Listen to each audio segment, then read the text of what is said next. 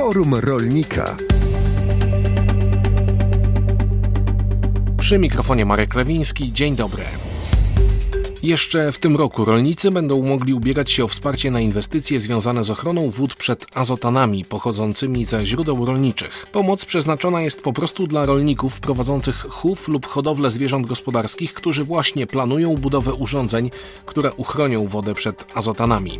Maksymalna wysokość pomocy to 100 tysięcy złotych. Z tego wsparcia nie będą mogli skorzystać właściciele ferm drobiu powyżej 30 tysięcy stanowisk, a także hodowli trzody chlewnej powyżej 2 tysięcy stanowisk stanowisk.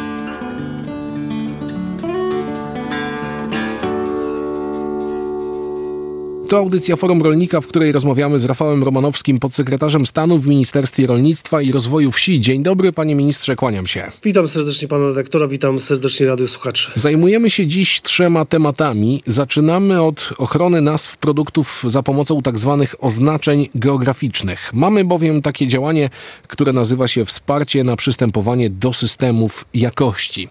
Do czego zachęcacie jako resort, panie ministrze? No przede wszystkim, panie redaktorze, są to same korzyści. Są to korzyści i dla konsumentów, ale przede wszystkim dla producentów żywności. Zyskują ochronę przed nieuczciwą konkurencją, mają możliwość uzyskania wyższej ceny w porównaniu z podobnymi produktami tej samej kategorii. Mogą skutecznie promować swoje wyroby na rynku krajowym, ale również i zagranicznym. No i rzecz istotna bardzo, czyli konsumenci, to jest dostarczenie rzetelnej wiedzy o pochodzeniu produktów i ich cechach oraz metodach produkcji. Gwarancja, że produkty są oryginalnymi artykułami i nie podróbkami lub imitacjami pewność, że artykuły żywnościowe zostały wytworzone zgodnie ze szczegółową specyfikacją. To jest 15 miliardów euro, co odpowiada około 2,5% wydatków na żywność w całej Unii Europejskiej. I badania pokazują, że produkty uczestniczące właśnie w tych systemach jakości to jest mniej więcej od minimum 5, a maksymalnie 300% wyższa cena dla producentów takiej żywności. Ale jest to żywność o najwyższej jakości, żywność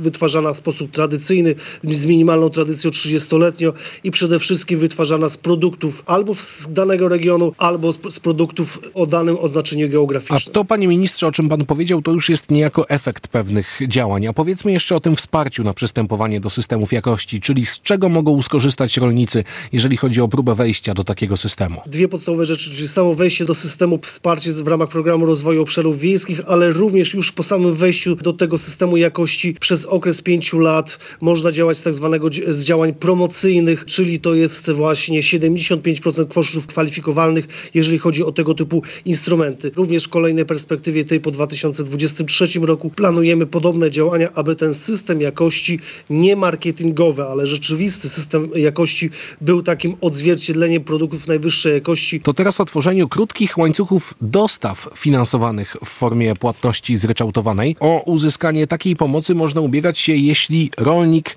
jest w grupie operacyjnej EPI.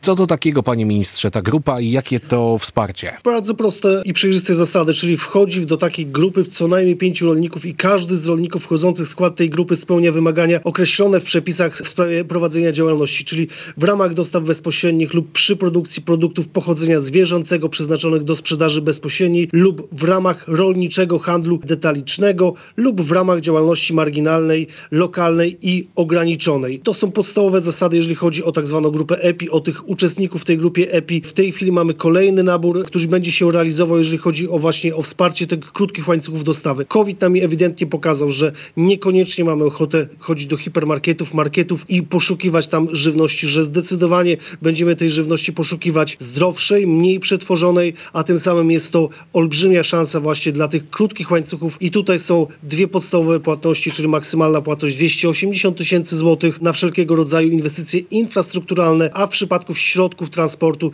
to jest do 325 tysięcy złotych. To było działanie o nazwie tworzenie krótkich łańcuchów dostaw finansowanych w formie płatności zryczałtowanej, no to jeszcze uzupełnieniem i dopełnieniem tego wszystkiego, o czym mówiliśmy, co już sygnalizował pan minister, jest oczywiście rolniczy handel detaliczny. Tutaj mamy takie działanie pod nazwą wsparcie inwestycji w przetwarzanie produktów rolnych, obrót nimi lub ich rozwój.